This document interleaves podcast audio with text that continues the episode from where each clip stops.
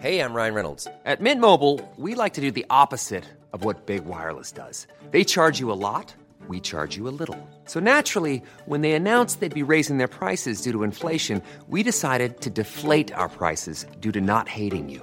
That's right. We're cutting the price of Mint Unlimited from $30 a month to just $15 a month. Give it a try at mintmobile.com slash switch. $45 upfront for three months plus taxes and fees. Promo rate for new customers for limited time. Unlimited more than 40 gigabytes per month. Slows. Full terms at mintmobile.com.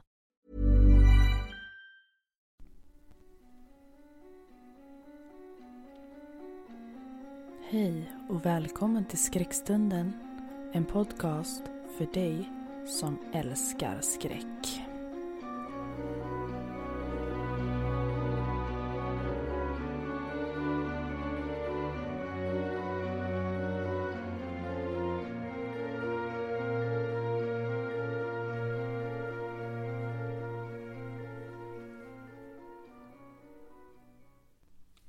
Hej och välkomna tillbaka till ett nytt avsnitt av Skräckstunden.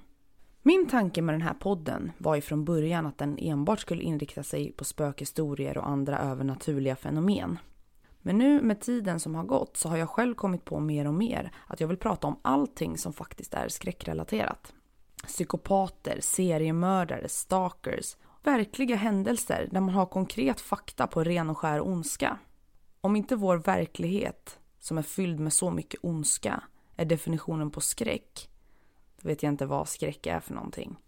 Veckans avsnitt har jag valt att kalla för dödliga drifter och i det avsnittet så kommer jag prata med er om verkligheten. Jag kommer att berätta för er om tre utav historiens absolut värsta och sjukaste seriemördare. Det finns många onda människor på våran jord, det vet vi. Men jag kan lova er att det finns vissa som är verkligen en klass för sig. Jag vill börja med att varna känsliga lyssnare då detta avsnitt skildrar verkligheten och allting i dagens avsnitt är på riktigt och kan därför upplevas som otäcka. Jag hoppas att ni gillar konceptet att jag kommer att blanda övernaturligt och spökhistorier med verkligheten.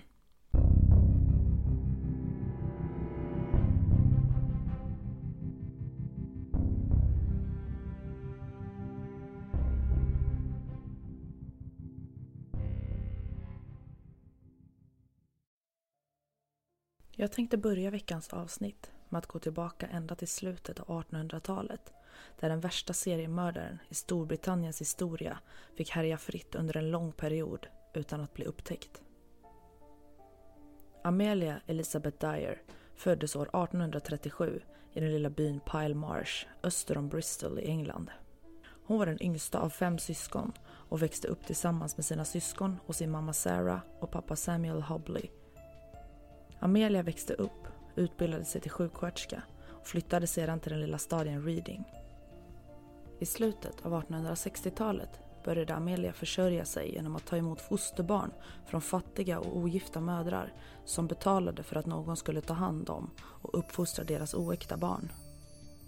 Ett ansvar som Amelia fick i tron om att hon skulle ge dem en fin och kärleksfull uppväxt. Men det enda syftet till att Amelia egentligen gjorde det här var av girighet. Hon såg egentligen barnen som ett enkelt sätt att försörja sig. Istället för den kärleksfulla och fina uppfostran man tänkte att barnen skulle få möttes dessa barn istället av extrem vanvård, svält och vägen mot en tragisk död. Det ska ha visat sig att i vissa fall vanvårdades och torterades barnen inte ens utan Amelia valde att döda barnen direkt när de hade kommit. Oftast genom antingen strypning eller via opiumdroppar. Efter att hon dödat barnen dumpade hon kropparna i floden Themsen. Detta pågick i nästan 20 år utan att någon kom på hennes hemska och sjukliga verksamhet. År 1879 häktades Amelia efter det att en läkare, som var den som skrev på dödsattesten på fosterbarnen, blev misstänksam på de många dödsfallen och valde att koppla in polisen.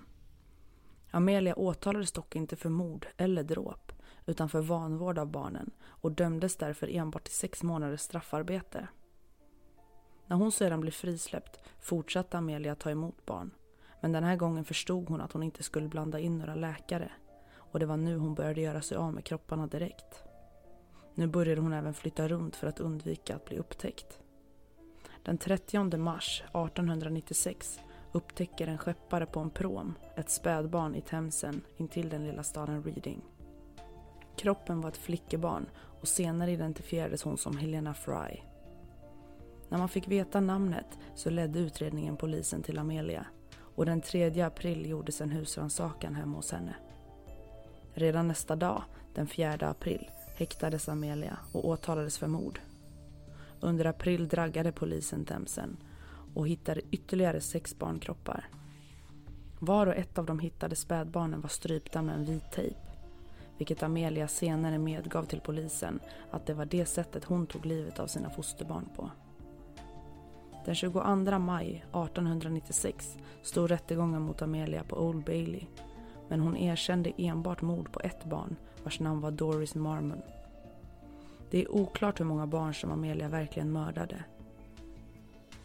Förhör med mödrar, vittnesmål från vittnen, bevismaterial från hennes hem och brev från de biologiska mammorna samt ett stort antal barnkläder gav dock en signal om att Amelia mördat ett väldigt stort antal barn. Amelia Dyer dömdes till döden för mordet på ett barn. Men det framkom senare att hon har mördat så många som 400 barn. Den 10 juni 1896 hängdes Amelia Dyer i fängelset Newgate Gaol in till Old Bailey i London. Hon var då 58 år gammal. Amelia anses än idag vara den värsta seriemördaren någonsin i Storbritanniens historia och i brittisk press fick Amelia smeknamnet Angelmaker. En intressant teori som en del spekulerat i är att Amelia Dyer och Jack the Ripper är samma person. Eftersom morden inträffade under samma period tror vissa att Ripper-offren var avvisade aborter som begåtts av Amelia. Det finns dock få bevis som stödjer den här teorin.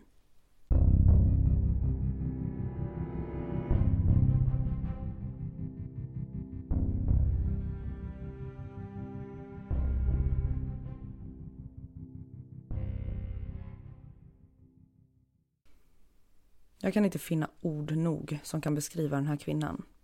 Vad säger ni? Hade ni hört talas om Amelia Dyer förut? Och vad tror ni om konspirationsteorin om att Amelia och Jack the Ripper skulle kunna vara samma person? Ni får jättegärna dela med er av era tankar och funderingar om vad ni tror. Kvinnliga seriemördare är väldigt ovanligt om man kollar statistiken. Egentligen kvinnliga mördare överhuvudtaget, men de existerar och Amelia är ju ändå en av de absolut sjukaste jag har läst om. För att inte tala om hur många hon faktiskt har tagit livet av. Och hur länge hon lyckades hålla på innan hon slutligen blev upptäckt. Jag tänkte bara berätta lite kort om Jack the Ripper för er som kanske missat helt vem detta var. Jack Uppskäraren, översatt till svenska, men även i Sverige mer känd som Jack the Ripper, var en seriemördare som mellan augusti och november 1888 nattetid mördade fem kvinnor, varav fyra var hemlösa, i East End i London. Dock är Jack the Ripper misstänkt till många, många fler mord än de här också. Grejen med Jack the Ripper är att polisen aldrig löste fallen officiellt och antalet offer som the Ripper mördade är fortfarande okänt och inte helt fastställt. Jack the Rippers identitet är en klassisk mordgåta och det enda man med säkerhet vet om honom är att det ska vara en mansperson som enligt vittnen har varit klädd i skärmmössa och sjömansrock. Troligtvis hade han kunskaper i anatomi, även om det antagligen varit fullt tillräckligt med de kunskaper som exempelvis en slaktare eller en styckare skulle kunna ha. Nutida spekulationer om vem han kan tänkas vara stannar vid just spekulationer. Det finns ett antal föreslagna lösningar till gåtan men det finns fortfarande ingen som vet vem personen bakom de här sjuka morden egentligen var. Polisen hade mängder av misstänkta och hundratals personer togs in till förhör men lyckades inte binda någon av dessa till brotten. Det som har gjort Jack the Ripper så känd är tillvägagångssättet. Det brutala sätt som morden utfördes på och jag vill ännu en gång varna känsliga lyssnare för detaljer som kan upplevas som väldigt grymma och otäcka. Morden utfördes kallblodigt på platser där det dessutom fanns folk alldeles i närheten. Tillvägagångssättet var att skära av strupen mycket djupt och sen skända kropparna genom att öppna buken och skära ut deras inre organ. Vissa delar hade även bortförts från mordplatsen i två av fallen var livmodern borttagen tillsammans med en del andra organ. Just på grund av sättet kropparna har blivit skändade på har därför lett fram till teorin att The Ripper då ska kunna haft kunskaper i anatomi. Det förekommer även teorier om att offren först hade strypts eller kvävts eftersom offren förefaller ha överrumplats och ganska lite blod fanns på mordplatserna. Det finns väldigt mycket att läsa och fördjupa sig om i Jack the Ripper samtidigt som man egentligen inte vet så mycket. Jag kommer att avsluta om The Ripper för det här avsnittet för att kunna gå vidare till nästa person som jag tänkt prata om. Men för dig som är intresserad vidare finns det både böcker och filmer om Jack the Ripper. Googla bara på Jack the Ripper så kommer du få upp massor med fakta och spännande saker att läsa och även förslag på både böcker och filmer.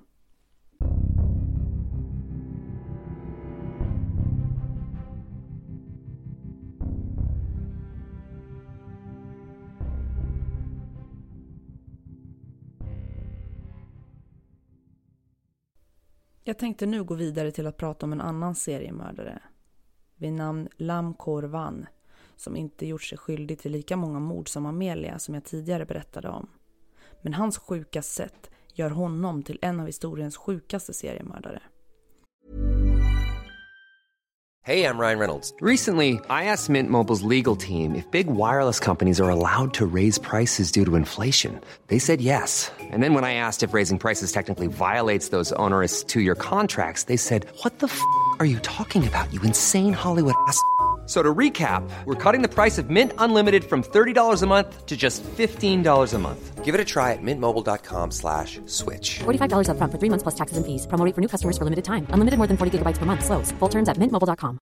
How would you like to look five years younger? In a clinical study, people that had volume added with Juvederm Voluma XC in the cheeks perceived themselves as looking five years younger at six months after treatment. Look younger, feel like you. Add volume for lift and contour in the cheeks with Juvederm Voluma XC. Reverse signs of aging by adding volume to smooth laugh lines with Juvederm Volure XC. For important safety information and to find a licensed specialist, visit juvederm.com. That's J U V E D E R M.com. Not for people with severe allergic reactions, allergies to lidocaine, or the proteins used in Juvederm. Common side effects include injection site redness, swelling, pain, tenderness, firmness, lumps, bumps, bruising, discoloration, or itching. There's a risk of unintentional injection into a blood vessel, which can cause vision abnormalities, blindness, stroke, temporary scabs, or scarring. Talk to a licensed specialist to find out if it's right for you. Det finns väldigt lite information att hitta om Lam och hans uppväxt. Allting handlar bara om hans fruktansvärda gärningar. Men jag har grävt fram och tänkte berätta det jag har kunnat hitta. Lam föddes den 22 maj år 1955 i Hongkong. Lams uppväxt är i stort sett okänd så vi går direkt in på varför Lam har blivit så ökänd runt om i hela världen och specifikt i just Hongkong där han är klassad som en av de värsta genom alla tider i Hongkongs historia. Lam, som arbetade som taxichaufför, hämtade kvinnliga passagerare, kvävde dem med en elkabel, tog dem sen till sitt hem och styckade dem. Hans engelska smeknamn, The Yars Murderer, myntades när polisen avslöjade att han hade samlat sexuella organ i olika burkar och behållare i sitt sovrum.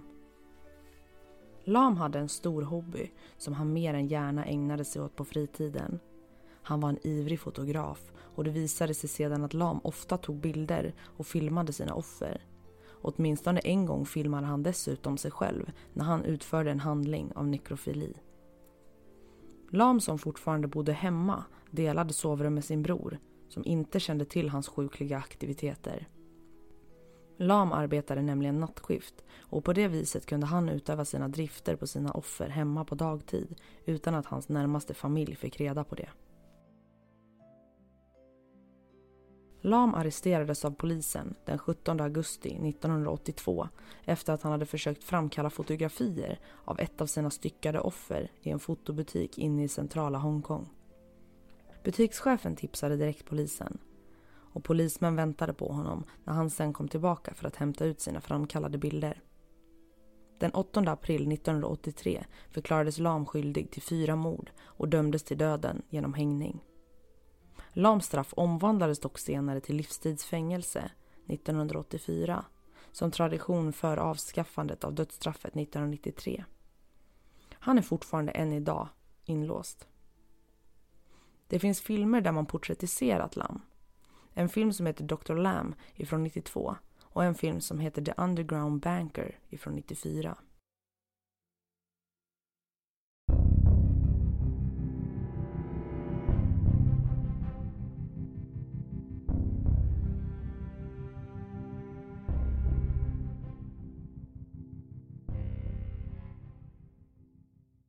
Ja, vad har vi då att säga om den här mannen? Skyldig till mord på fyra kvinnor. Som sagt, inte den genom tiderna som begått kanske flest mord. Men trots allt, fyra mord för mycket. Men hans sjuka beteende med att spara kroppsdelar i burkar, alltså jag ryser i hela kroppen. Jag tänker direkt på Beck-filmen Öga för öga, där mördaren skär ut ögonen på sina offer och man ser i en sekvens i slutet av filmen hur det ligger massa ögon i burkar i mördarens källare. Ugh. Ja. Och hans sätt att bli upptäckta. När han framkallade sina så kallade konstverk av bilder på de här styckade kvinnornas kroppsdelar som han tydligen också har lagt ut i olika konstellationer. Alltså förlåt mig, men vem är så dum att man begår sådana här saker och sen går man till en butik för att framkalla bilderna Ja, allmänheten, alltså vi, vi ska väl vara tacksamma för att han var korkad nog att göra så såklart. För honom vill vi ju inte ha på gatorna. Men höjden av dumhet skulle jag väl ändå säga att det är. Jag tänkte avsluta veckans avsnitt med att komma riktigt nära. Inte i tiden kanske, men geografiskt. Vi är tillbaka i Sverige igen. Närmare bestämt södra Sverige och Skåne. Vi ska tillbaka till 1800-talet. Men vi ska prata om en kvinna som än idag är ansedd som Sveriges värsta kvinnliga seriemördare.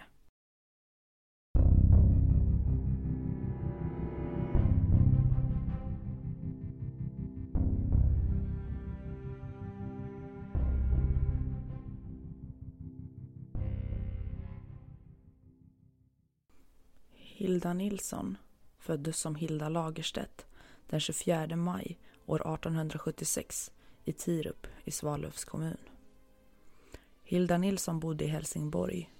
Hon var gift, men Hilda och hennes man hade stora skulder och behövde därför ett sätt att kunna betala dessa skulder. Som vid tiden ofta drevs in på ett laglöst sätt. Hilda började då mot betalning att ta emot spädbarn från mödrar som fött barnet utanför sitt äktenskap.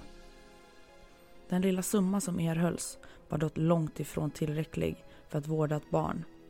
Och Hilda började då en verksamhet där hon tog emot barnen för att sedan mörda dem kort efter att hon fått sin betalning.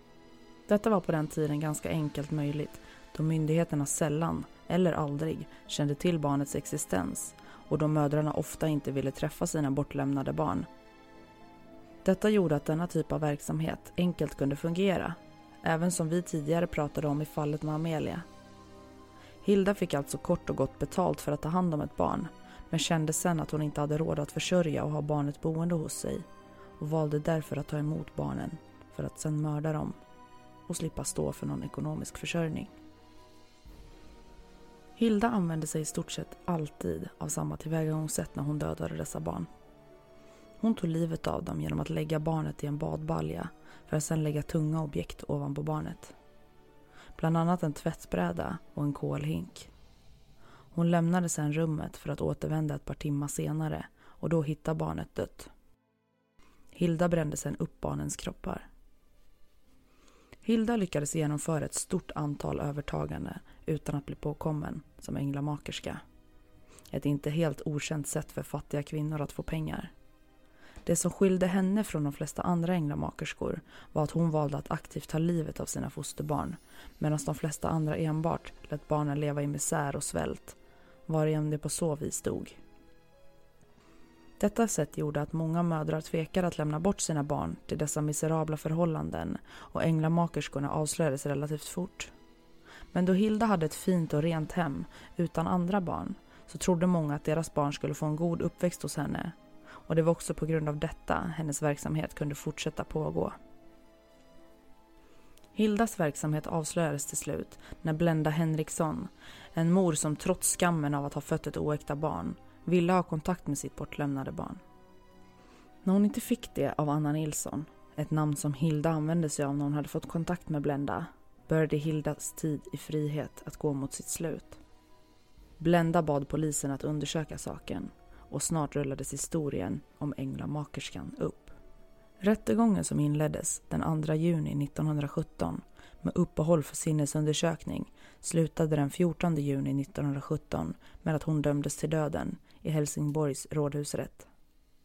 Innan straffet verkställdes tog hon dock sitt eget liv genom att hänga sig med en snara av en linneduk fastbunden vid cellfönstret där hon satt i förvar på Landskrona citadell. Samma dag hade dock domstolen i enlighet med en ny praxis valt att omvandla dödsstraffet till livstid i fångenskap.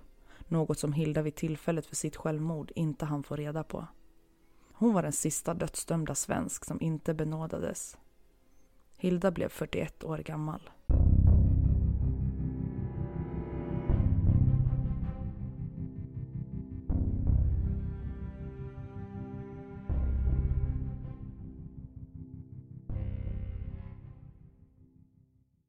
Både fallet Hilda och fallet Amelia så kan vi ju se en stor likhet. Förutom att de är kvinnor och att offren är barn. Båda arbetade, eller vad vi egentligen ska kalla det, som änglamakerskor. Ett arbete som idag i folkmun kallas fosterfamilj eller jourhem. När jag läst på om dessa fall har jag inte kunnat låta bli att bara tänka på en sak. Det fanns på den tiden verkligen inget trygghetssystem överhuvudtaget. I dagens läge vet jag att många är missnöjda med våra myndigheter och givetvis så förekommer det mycket hemskheter i det tysta nu också. Men en sån sak som med Amelia, som lyckades döda omkring 400 barn, det hade inte fungerat idag. Jag tror att vi ändå ska vara så tacksamma att tiden går framåt och att vår utveckling gör så mycket saker hela tiden och så att saker verkligen kan förbättras. Jag har så många mer intressanta seriemördare som jag tänker ta upp med er i framtiden om det skulle visa sig att ni gillar det. Och det är ju ändå någonting med true crime som jag ändå tycker är så spännande men ändå otäckt. Det här är verkligen skräck för mig. Och det är dessutom trots allt verkligheten.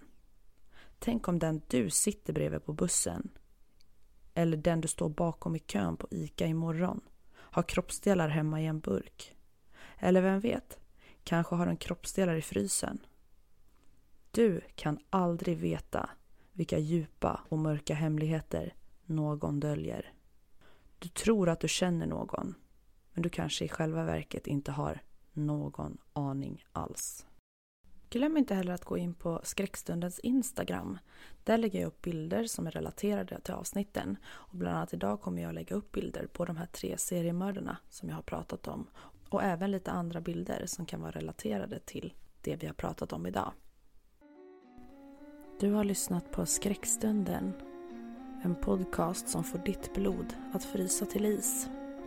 Ha en fin vecka så hörs vi snart igen.